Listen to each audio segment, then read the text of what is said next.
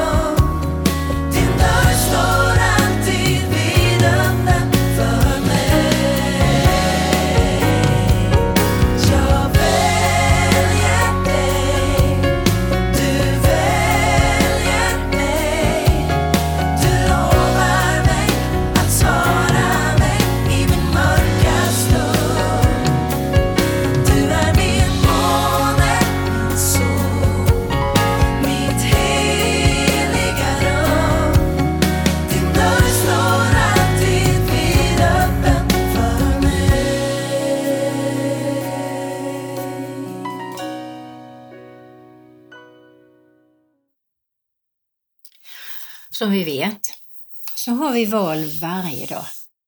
Vi har så många val. Och väljer vi de goda valen så hamnar vi rätt. Och väljer vi inte de viktiga goda valen så hamnar vi fel. Ganska mycket fel faktiskt. Och jag tänker på den sången hon sjöng att, eh, om att välja Jesus och då tänker jag, vad är det som gör att människor inte gör det? Varför väljer de inte det bästa som finns? Och jag vet de som tror på Gud, i alla fall någonstans långt där borta, men då har han ingen relation med Gud. Och i Bibeln står det att den enda vägen till Gud är genom Jesus Kristus. Han är liksom grinden. Och som jag sa innan, vi vet inte någon av oss hur vår dag ser ut imorgon. Och jag vill inte skrämma någon, men jag tänker att jag siktar på himlen. Jag siktar på att träffa Gud, Jesus och helig Ande. Jag siktar på att vara med i lovsångskören i himlen. Jag siktar på att prata med olika människor som jag haft som föredömen och har som föredömen. Som till exempel Moder Teresa vill jag gärna träffa i himlen och prata med. Franciscus vill jag gärna prata i himlen och fråga massa saker. Det är, jag ser fram emot det faktiskt och det gör att jag är inte rädd för att dö. Jag är faktiskt inte det. Sen har jag bett till Gud att jag ska dö ganska hastigt faktiskt. Jag vill inte ligga på något hem, jag vill inte ligga på något lasarett helst. Det är min bön och jag, jag litar på att Gud tror att Gud gör det som jag hoppas och ber om. Så positiv är jag i mina böner. Jag tror att jag har bett om väldigt stor tro och det har jag fått. Och det gör mig väldigt, väldigt trygg. Och jag uppmuntrar dig också till att göra det. Och sen då när det gäller att välja, det blir ju konsekvenser om man inte väljer, eller hur? Om man inte väljer att bjuda hem någon som man egentligen vet att man borde bjuda hem, så blir det konsekvenser. Om man inte går till något ställe som är viktigt att gå till, då får det konsekvenser. Och eh, väljer vi inte Jesus, då får det konsekvenser. Och i Bibeln så står det att vi får inte komma till himlen de som väljer bort Gud och Jesus och helig Ande. För att har vi inte välkomnat det här på jorden, då är det ju såklart samma konsekvens att vi inte vill komma till himlen. Jag har pratat med några stycken och de säger så här, nej men jag får nog lassa kol där nere. Och då säger jag, nej det skulle inte du behöva göra. Det räcker med att du lägger ditt liv i Jesu händer. Men där tar samtalet slut. Jag förstår inte detta. Kan man ändå inte säga så här, Jesus, jag ger dig en chans i mitt liv. Kom in i mitt liv och visa dig för mig om det är så himla bra som Marie-Louise säger. Ja, den bönen kan du be. Kom Jesus, visa att du finns för mig. Testa det. Då har du ett val också att säga nej. Men ge det ett år så får du märka skillnaden. Så tänker jag. Ja, alla valen är viktiga val. Eh, och eh, man kan också bara gå in på en, en sträng eller en liten linje på vem är det som du har svårt att älska. Väljer du att be om kärlek till den personen? Väljer du att be Gud hjälpa dig förlåta den eller den personen? Det ger också konsekvenser i familj, i äktenskap, i släktförhållanden. Och Guds vilja är bäst för oss alla. Han vill att vi ska älska alla. Och det kan jag tala om att det behöver vi sannerligen fylla på med Guds kärlek för att kunna göra det. Varje dag, kanske till och med på arbetsplatsen. Kanske man har någon eller några som man känner, usch nej, vi klinkar inte särskilt bra tillsammans. Eller i pensionärsföreningen eller släkt, grannar, vad det än är. Och då kan man be bönen, Gud hjälp mig att älska dem. Hjälp mig att stiga över det här som jag går och retar mig på och se det fina i den människan. Och Gud, han ger det. Jag vet det av egen erfarenhet faktiskt. Så vi ska aldrig förakta, ringakta, se ner på andra, håna andra, negligera andra eller strunta i andra eller åsidosätta dem eller underskatta dem. Nej, vi ska vara uppmärksamma mot människor, ta hänsyn till dem, värdera dem, se dem som värdefulla, högakta och respektera dem så långt vi kan. Och har vi svårt, ja, som sagt var, vi får be Gud om förlåtelse och vi får ta emot hans kärlek genom oss ut i världen, ut till dem vi möter. Och han ger det. Det är så fantastiskt. Och halkar vi fel och dömer och gör precis det där som Bibeln inte vill att vi ska göra, som Guds ord säger, nej, gör det inte, det blir konsekvenser, så kan du gå till korset och be om förlåtelse. Ta emot förlåtelsen och känna, jag är rent tvättad i mig själv av Herren. Och nu ska du få lyssna på en, ett musikstycke igen som handlar om Herre förbarma dig och det är Bengt Johansson. För visst behöver vi att Gud förbarmar sig över oss. För vi är långt ifrån perfekta, men vi är oerhört älskade. Ta in det.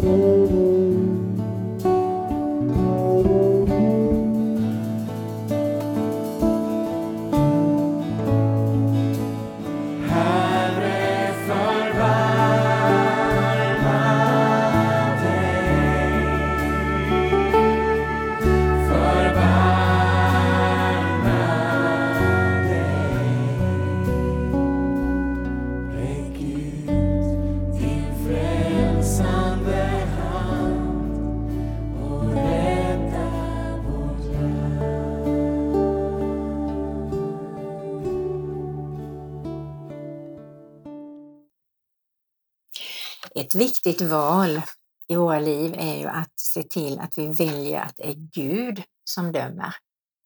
Det är Gud som är den rättvisa domaren. Och jag tänker på olika saker som jag har brottats med, som jag har haft så svårt att förstå, acceptera och jag kan bli upprörd. Och det har bland annat varit det här med att man viger homosexuella i kyrkan. Jag tycker det är jättejobbigt. Och jag gick in i Kalmar kyrka och där var det en prideflagga över altaret och jag kände hur det reste sig och jag blev så arg. Men så fick jag gå till Gud med detta. Och då säger han, Marie-Louise, det är jag som dömer.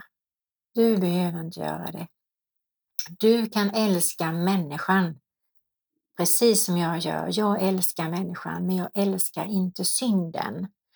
Och då tänker jag det är oerhört viktigt att lyda Guds ord, att be om kärlek till människor, se människan, men synden och domen får Herren ta hand om. Det, vi brottas kanske med olika saker, nu nämnde jag en. Och jag har träffat människor som, som lever med samma kön och jag har haft svårt att ta emot det, men Gud har hjälpt mig att se skillnad mellan person och sak. Och det känns så skönt när jag möter de här personerna, för jag kan älska dem, jag kan idag vara naturlig. Så det tackar jag verkligen Gud för.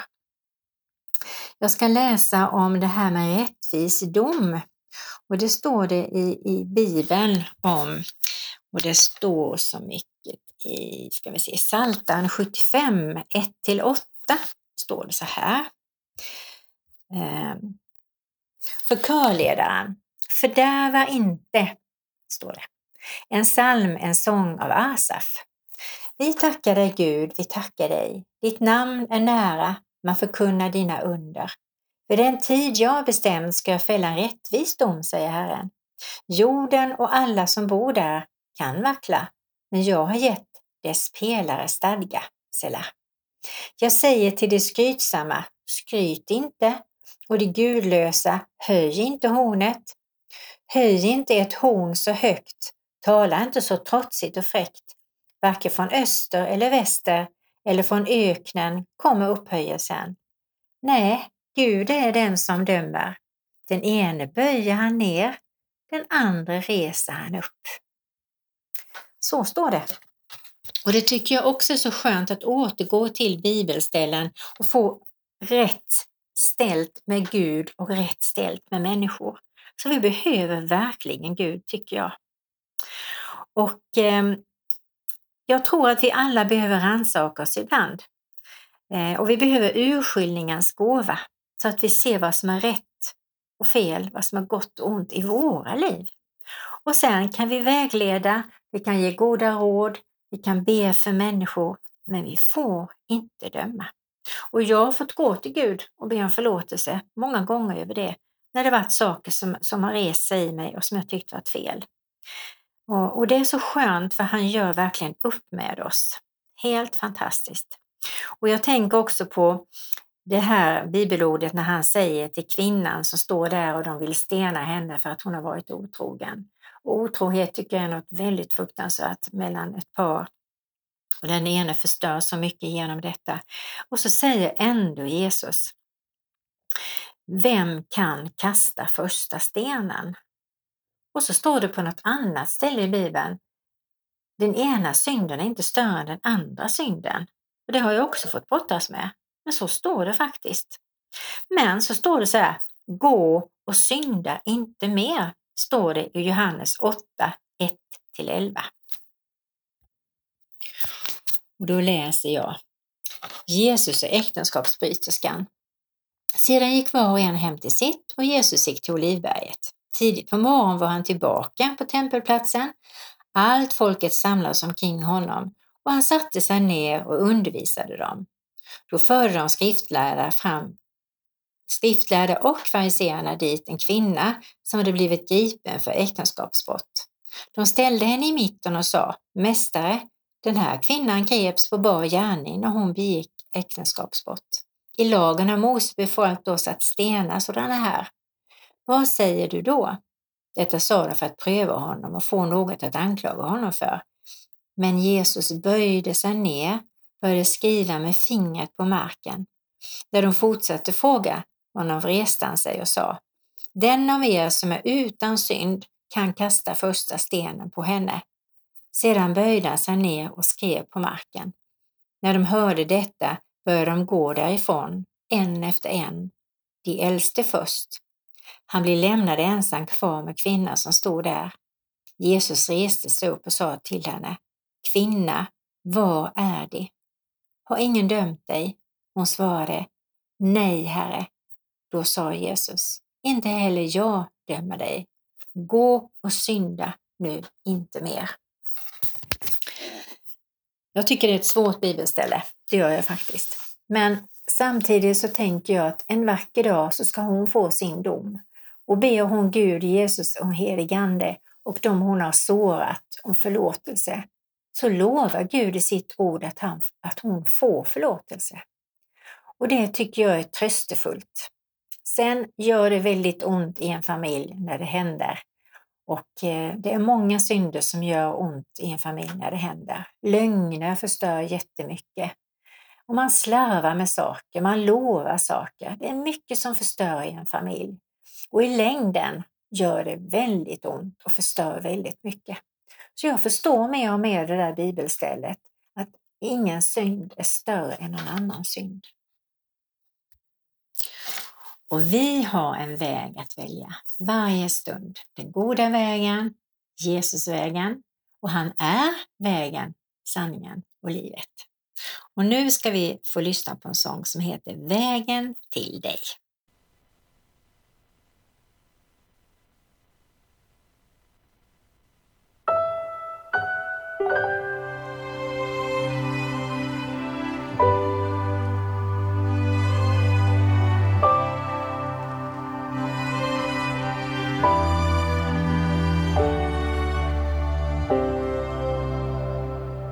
Det finns inga ord.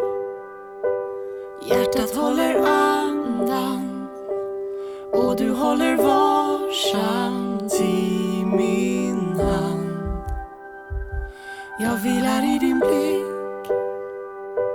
Och här vill jag stanna. Jag är alltid hemma i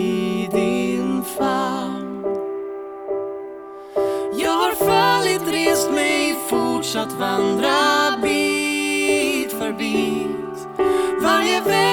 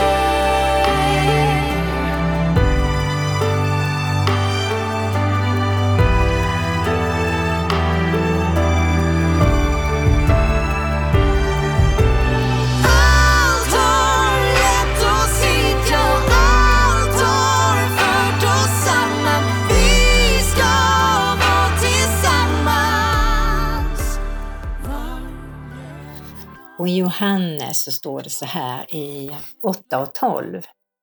Jesus talade till dem igen och sa, Jag är världens ljus.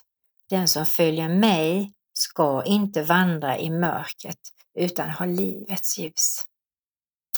Herre, vi tackar dig för livets ljus. Vi tackar dig för ditt blods beskydd som du vann på korset. Tack Herre att du uppsteg och lever med oss idag, varje dag och att du är oss närmare än vår egen andedräkt. Vi vill välja dig Jesus varje dag. Tack att du tar oss i handen och går med oss framåt i vår framtid, om det ligger långt fram eller den är kort. Så vill du vara med oss. Tack att du vill ge oss ett rent samvete och att vi alltid kan komma till dig. Och att rent samvete är det finaste vi kan ha. Rena hjärtan älskar du och det står i ditt ord att har vi rena hjärtan så ska vi få se dig. Vi tackar dig för den frihet, för den lycka vi känner när vi har ett rent samvete. Och tack att du älskar och tvättar rent och gör det vackert i oss. Och Herre, hjälp oss att be emot ondskan. För ondskan vill ju döda, splittra, ge ofrid och sjukdomar. Och hjälp oss att vara tydliga och hjälpa andra människor och våga berätta om dig Jesus, för det är du som är svaret på alla frågorna här på ett gott och härligt liv. Och hjälp oss att ibland också stanna till och tänka efter. Vad vill Gud? Vad står det i Bibeln? Vad tycker du Jesus? Vi kanske till och med behöver direkta råd från helig Ande och då får vi träna oss och lyssna på hans röst. För vi vill ju leva i din vilja, Herre. Det vill vi verkligen. Så vi tackar och prisar och lovar dig för din kärlek som är där varje dag till var och en av oss. Amen.